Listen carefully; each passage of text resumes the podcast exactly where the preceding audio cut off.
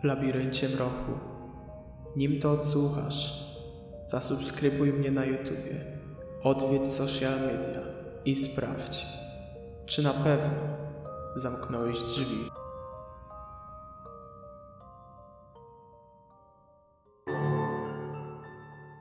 Odpłynął.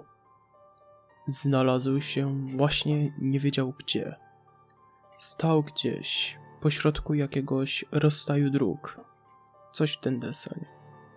Czuł spokój. Pierwszy raz od dawna czuł spokój, o którym marzył skrycie. Ból, który towarzyszył mu kilka chwil temu, całkowicie ustąpił. Znikł. Schylił się i spojrzał na swoją nogę. Tą, którą oparzył tamten mężczyzna, była w całości. Nie było na niej nawet śladu po niedawnym ataku. Na jego twarzy pojawił się prawdziwy, niesarkastyczny uśmiech. Radość z otrzymanego spokoju. Tego mu było trzeba. Czuł się lekki jak piórko, bez ciężaru doświadczeń, wspomnień.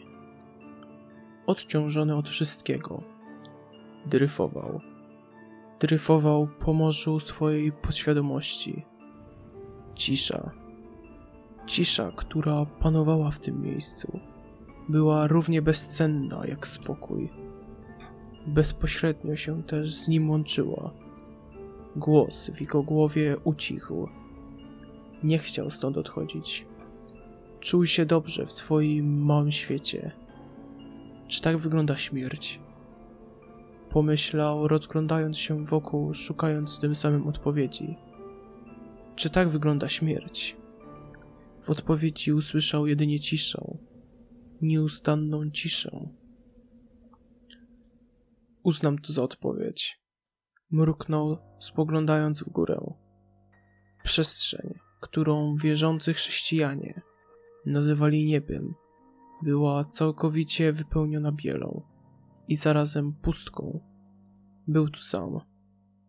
Jednakże w oddali, jakby przez mgłę, usłyszał znajomy głos. Nie rozpoznał dokładnie czyj, jednak znajomy. Johnny. Johnny. Johnny, zbudź się. Johnny wytężył słuch i kierował się w stronę źródła. Było to niebywale ciężkie, bo dobiegał jakby znikąd, a zarazem zewsząd. Gubił się. Upragniony, błogi spokój został ponownie zburzony i zastąpiony niepokojem, a ból powrócił. Jego najserdeczniejszy przyjaciel. Do całkowitej katastrofy brakowało tylko jego. Zbudź się do cholery, John. To nie czas na spanie. Przecież chyba nie umarłeś. Tylko nie ty. Po co wróciłeś? Przecież ja zawsze tu byłem. Ale to już chyba wiesz. Och, Johnny, nie sądziłeś, że tak łatwo uciekniesz od śmierci. Samemu się o to prosiłeś. Miałeś tyle sposobów, by to szybciej skończyć. A ty wolałeś bawić się w bohatera. I proszę, masz na co zasłużyłeś. Ale co? Przecież tu nic nie ma. Odwróć się, a się przekonasz. Zrobił to. Bez znaczenia, czy chętnie, czy niechętnie. Po prostu to zrobił. Jego ciało znowu obleciał dreszcz. Ten sam, jak podczas ostatecznego pojedynku ze spawaczem. On tu był. On tu był we własnej osobie. Spawacz ze swoim palnikiem propanowym w jednej, a młotkiem w drugiej ręce. E, nie, to niemożliwe. Ciebie tutaj nie ma! krzyknął. To wszystko jest w mojej głowie. Odwrócił wzrok od niego. Zatem, dlaczego tu stoję przed tobą? Stał on kilka centymetrów przed nim, z uniesionym młotkiem ku górze. John nakrył twarz rękoma, jednak impet, z którym młotek upadł na jego twarz, był niszczący. Przewrócił się. Z jego ust ciekła krew. Niebo poczerniało. Wszystko poczerniało. Otaczająca go biel zmieniła się w depresyjną czerń. Mężczyzna wyjął z kieszeni zapałkę.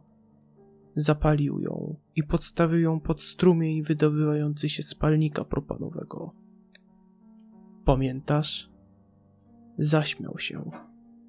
Nie, proszę, nie rób tego. Ja odejdę.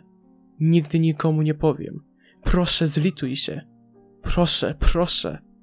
Nie musisz tego robić. Będę dobry. Będę ci służył. Ale nie, nie rób tego. Krzyczał John. Lecz ponownie nic nie dały rady. Prośby ani jęki. Czas wstawać, Johnny. Koniec przerwy. Czas wrócić do naszego świata. Chyba, że woli zostać samemu z nim. Czas się obudzić. Obudził się. Zlany potem leżał przypięty do łóżka szpitalnego. Nad nim była ustawiona lampa, która swoim blaskiem oślepiała go. Nic nie widział. Jedynie słyszał poruszenie ludzi stojących wokół niego. Początkowy szok półrazowy sparaliżował jego obolałe ciało. Nie był w stanie nic zrobić. Jedynie wpatrywał się, równocześnie mrużąc oczy, w blask lampy wiszącej tuż nad nim. Dopiero chwilę później otrząsł się z początkowego zdezorientowania. Zdając sobie sprawę z obecnego położenia, zaczął szarpać rękoma. Nieskutecznie. Pasy ochronne, którymi przywiązuje się osoby niestabilnie psychiczne, stawiły wystarczający opór. Rozejrzał się. Wokół niego kręciło się kilku mężczyzn i kobiet.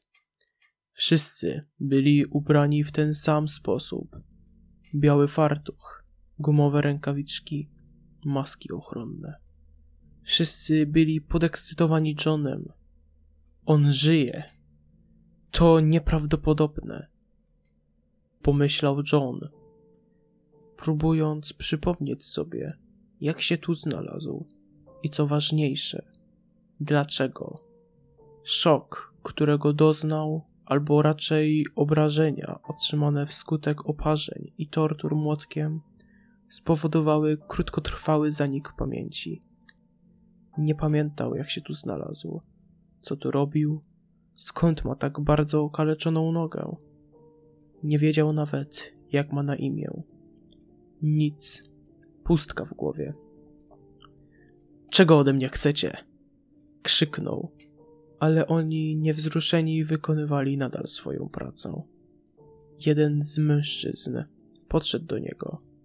Chwycił jego twarz swoimi wielkimi łapskami i poświecił mu do oczu latarką. Sprawdzał reakcję źrenic. Przecież widzisz, że żyję. Pomyślał, szarpiąc się. Mocniej i mocniej. Niemal podskakiwał wraz z łóżkiem szpitalnym. Wypuśćcie mnie! Wypuśćcie mnie! Wypuśćcie mnie z tej klatki! Osoby przebywające w pomieszczeniu przez krótki moment spoglądali w bezruchu na szarpiącego się Johna. Następnie część z nich podbiegła i przytrzymując Johna, wstrzyknęli jakiś środek uspokajający. W międzyczasie jedna z kobiet, znajdująca się wraz z nimi, podeszła do telefonu. John, będąc półprzytomny po otrzymanej dawce środka, dostrzegł, jak kobieta mówi coś do białej słuchawki. Nie był w stanie usłyszeć, co dokładnie, lecz spoglądając na jej wyraz twarzy, była niesamowicie przerażona. Reszty już nie pamięta, ponieważ środek zaczął działać niemal natychmiast, usypiając go. Znowu to chcemy przerabiać. Och, Johnny, dopiero co obudziłem cię po utracie przytomności. A ty mi teraz robisz to samo. Tylko, że po ekstazie narkotykowej. Daj spokój, John. A, bo teraz udajesz, że nie pamiętasz, co tu robisz i ogólnie jak się nazywasz. Pozwól, że ci przypomnę. Nazywasz się John Anders i jesteś dziennikarzem, który znalazł się w niezłym bagnie. Prawie umarłeś, ale żyjesz. Więc weź się do cholery w garść, bo nikt za ciebie stąd nie wyjdzie. Obudził się. Był naćpany, nafaszerowany środkiem nasennym, czy czymś tego pokroju. Ledwo kontaktował ze światem zewnętrznym. Kręciło mu się w głowie. Miał zamiar zwymiotować, ale powstrzymał się. Nie w takim miejscu. Nie z takimi ludźmi. To byli psychole, którzy znęcali się nad tymi wszystkimi ludźmi. Nad panią Marią również. Pomyślał. Już pamiętał. Pamiętał, kim jest i jak się tu znalazł. Spojrzał na nogę, gdzie znajdowało się epicentrum bólu. Z odsłoniętego fragmentu nogi wywnioskował, że wygląda identycznie jak reszta. Była paskudna, cała w oparzeniach, bliznach. John był niemal zdziwiony, że po tym wszystkim mógł nią jeszcze ruszać. Porozglądał się wokół. Wszystko wyglądało niemal identycznie, jak pani Maria opisywała. Wykafelkowane białe pokoje, przyrządy lekarskie, choć powinno się użyć określenia narzędzia tortur, środki do dezynfekcji oraz na podłodze i ścianach zaschnięta, nieco wyblakła krew. Kto by się tym przejmował? Zapytał samego siebie w duchu. Kiedy przyjdzie tutaj ten, kto tym wariatkowem przewodzi, zaczyna się robić nudno. Zapytał sarkastycznie. Nikt z pokoju nie zwrócił na niego uwagi, prócz jednego chłopaka, opierającego się o ścianę. Lekko zachichotał pod nosem. Dawało to dobry znak. Wyglądał na nowego. Nie miał tak bardzo pozbawionego człowieczeństwa wzroku jak pozostali. Reszta z nich przypomina bardziej roboty niż ludzi, ale nie on. John postanowił to wykorzystać na swoją korzyść. Mógł go zmanipulować, zmusić podstępem do uwolnienia. Potrzebował sojusznika. W obecnym stanie nie umiałby stanąć na swoją lewą nogę, a co dopiero uciekać przed bandą oszalałych pielęgniarzy chcących jego śmierci. Nie dałby rady, ale gdyby ktoś mu pomógł, to jego szanse nieznacznie by się zwiększyły i ten chłopak mógł być kluczem do sukcesu. Ej, ty z tyłu! Zerknął na niego i gdy złapał z chłopakiem kontakt wzrokowy, to kiwnął głową. Tak, do ciebie mówią. Chłopak udawał, że go nie słyszy, ale John nie miał zamiaru odpuszczać. Nie udawaj, że mnie nie słyszysz. Z czegoś tak śmiałeś? Ze mnie? Z twojego pacjenta? Nadal nic, choć dwóch pielęgniarzy jakby zainteresował dalszy rozwój sytuacji. Słuchaj, nie wiem jak długo tu pracujesz, ale domyślam się, że niedługo. Masz jeszcze duszę. Nie zdążyłeś jej sprzedać diabłu, jak reszta tych patałachów. Zamknij się, pacjencie 997. Chyba, że chcesz dostać kolejną dawkę leków uspokajających burknął inny pracownik. Poniekąd chciał. Chciał znów odpłynąć, lecz domyślał się, że sen równałby się z ponownym głosem w jego głowie. a nie były to miłe pogawędki. Każda rozmowa z nim była istnym utrapieniem dla jego psychiki. Ale czy miał wyjście? Albo zastrzyk, albo sam nawet nie wiedział co. Mogło to być wszystko.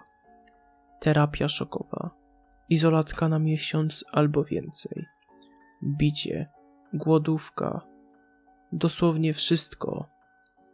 Przy tym wszystkim zastrzyk i odpłynięcie z konsekwencją słuchania samego siebie nie wydawała się taka zła. Powinieneś się zastanowić nad tym. Chcesz być taki jak oni, czy chcesz odkupić winy? Chłopak odwrócił się i odepnął od ściany. Dotąd był ciągle obrócony do Johna barkiem, przez co nie mógł się mu dobrze przyjrzeć. Już tak. Był wysoki. Miał ze 220 centymetrów wzrostu. Gdy opierał się o ścianę, jego gabaryty nie były tak widoczne jak obecnie, czego nie można było powiedzieć o szerokich ramionach. Był chudy, aż nadto. Jego blond włosy opadały mu na twarz, skutecznie ją maskując. Widząc, co się dzieje, pielęgniarze stanęli w bezruchu, gotowi na wszelką ewentualność. A John to widział i wpadł na pomysł lekkiej dywersji, odwrócenia uwagi. Mogę ci mówić, wysoki? Zapytał, nie oczekując odpowiedzi. Nie obchodziła go. Uznajmy, że tak. Co ty na to, by uwolnić mnie z tych łańcuchów? Pomożemy sobie nawzajem. Ty mnie stąd uwolnisz, a ja cię uwolnię od ciężaru bycia tutaj. Ha, ha. Zachichotał pod nosem, ale nie był to zwyczajny śmiech. Nawet niepodobny do śmiechu chłopaka sprzed chwili, a obłąkany. Mam lepszy pomysł. Uwolnię cię, ich i na końcu siebie od ciężaru, którym jest życie. Wybuchnął śmiechem, jednocześnie odgarniając kosmyk włosów z twarzy i odsłaniając swoje prawdziwe oblicze. Pielęgniarze zdali sobie sprawę, że nie był to żaden nowo przyjęty pielęgniarz, a jeden z ich pacjentów. Nazywali go Jokerem, ponieważ ciągle się śmiał. Ze wszystkiego. Robił im żarty, samo okaleczał siebie i innych, gdy tylko go zobaczył takiego, jakim jest. Do głowy przyszło mu porównanie do Jokera, arcywroga jego ulubionego bohatera z dzieciństwa, Batmana. Johnowi nie było jednak do śmiechu. Podobnie jak całemu personelowi. Nim zdążyli zareagować, zatopił ostrze w jednym z pielęgniarzy i rzucił się na kolejną, w efekcie pościnając jej gardło. Krew tryskała jak szalona. Pielęgniarz, który miał ostrze zatopione w okolice wątroby, upadł na ziemię. Położył dłonie na ranie i uciskał resztkami sił, starając odpędzić wyrok śmierci. Zmarł chwilę potem. Nie krzyczał, nie dusił się. Walczył o życie, ale odszedł w spokoju, w przeciwieństwie do pielęgniarki. Ta, choć z podciętym gardłem, starała się walczyć o życie, o każdy oddech. Początkowo oplotła swoje gardło rękoma, by zastopować krwawienie, oraz kurczowo i desperacko starała się o kolejne dowdechy aczkolwiek każdy kolejny sprawiał coraz więcej bólu.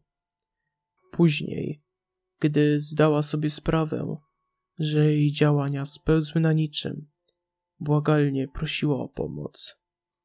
John nie wiedział nawet kogo.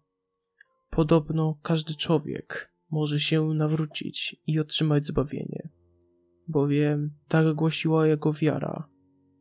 To stawiał wątpliwość, czy każdy zasługuje nawet na taką szansę? Proś Boga, Może się nad twoją nędzną duszą zlituje. Pomyślał, rozglądając się za możliwością ucieczki. W międzyczasie, gdy John przyglądał się pielęgniarce, jak walce o życie, to reszta personelu, oprócz tych, którzy uciekli na sam widok tego mężczyzny z nożem w ręku, starała się powstrzymać mężczyznę przed dalszym rozlewem krwi, co mimo wszystko się im udało. Wytrącili mu narzędzie zbrodni z rąk, choć nim do tego doszło, zdążył ich nieznacznie zranić. Jednego w twarz, innych w okolice rąk. Nic poważnego, jednak im się nie stało. Następnie dwóch z nich wzięło go za ręce, a trzeci zacisnął pięść i zdzielił go w twarz. Na tyle mocno, że aż stracił jednego zęba. On sobie jednak z tego nic nie zrobił. Śmiał się z całej zaistniałej sytuacji, z tego, że właśnie własnoręcznie zabił dwie osoby, że zaraz sam pewnie zostanie wtrącony do izolatki, że może zostanie poddany egzekucji. Nie robiło mu to różnicy. Dla niego liczył się tylko i wyłącznie chaos. Wraz z następstwem to kolejnych wydarzeń, sanitariusze niemal całkowicie zapomnieli o Johnie. Zostawili go samego, wraz z dwoma martwymi ciałami, przypiętego do łóżka szpitalnego. Ponownie starał się uwolnić, lecz gdy zdał sobie sprawę, że nie ma sensu dalej się szarpać, to zaprzestał. Słodkich snów. Scenariusz i realizacja Paweł Klima